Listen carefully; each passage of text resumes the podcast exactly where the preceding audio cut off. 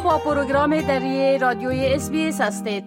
شنویده های عزیز حال با همکارم سامنوری درباره یکی از رویدادهای مهم صحبت می کنم آقای انوری سلام عرض می کنم خب برای مرحله سوم تخفیف مالیاتی توسط حکومت و احتمال آمدن تغییر در او از جمله رویدادهای مهم است بله؟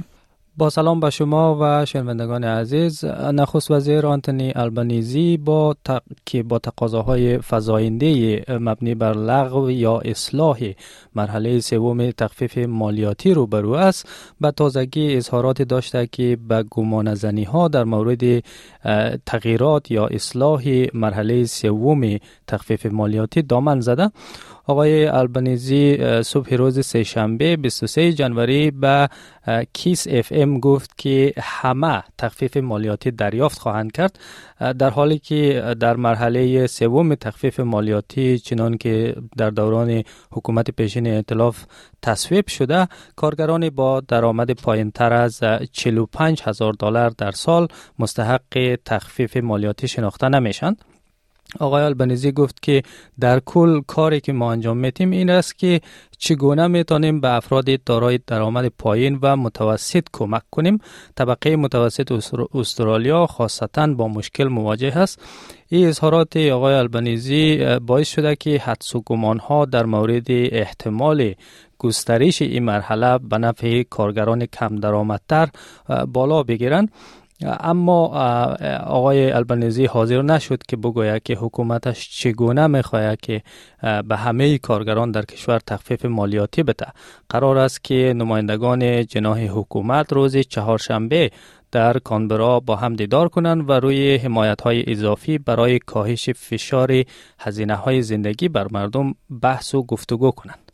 بله خب نظام مالیاتی استرالیا پروگرسیو یا ترقی است و مردم با درآمد مختلف مقدار مختلف مالیات می پردازند می‌تونین در این باره یک مقدار توضیحات بتین و مراحل مختلف مالیات بر بنیاد آیدات مردم توضیح کنین. بله همانطوری که شما اشاره کردید نرخ مالیات در استرالیا بسته به درآمد افراد فرق می‌کنه.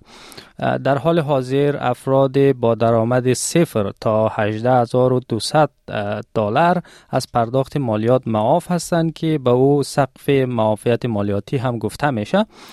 افراد با درآمد 18201 دلار تا 45000 دلار در سال بابت هر دلار درآمد بالاتر از 18200 دلار خود 19 سنت مالیه پرداخت می کنند بابت درآمد 45001 دلار تا 120000 دلار 32 سنت در هر دلار مالیه پرداخت می کنند بابت درآمد 120 هزار و یک دلار تا 200 هزار دلار تا 180 هزار دلار 37 سنت در هر دلار مالیه پرداخت می‌کنند و در نهایت افرادی که درآمدشان بالاتر از 180 هزار دلار در سال است بابت هر دلار درآمد بالاتر از 180 هزار دلار 45 سنت در هر دلار مالیه پرداخت می‌کنند. بله خب چی گفته میشه که احتمالا چین و تغییرات در پرداخت مالیات به وجود خواهد آمد. خب مرحله سوم تخفیف مالیاتی همانطوری که قبلا اشاره کردم در دوره حکومت پیشین ائتلاف تصویب شده بود و قرار است که از اول ماه جولای امسال اجرایی شود. در این مرحله نرخ مالیات افراد با درآمد 45 تا 200 هزار دلار در سال به 30 درصد کاهش می‌یابد.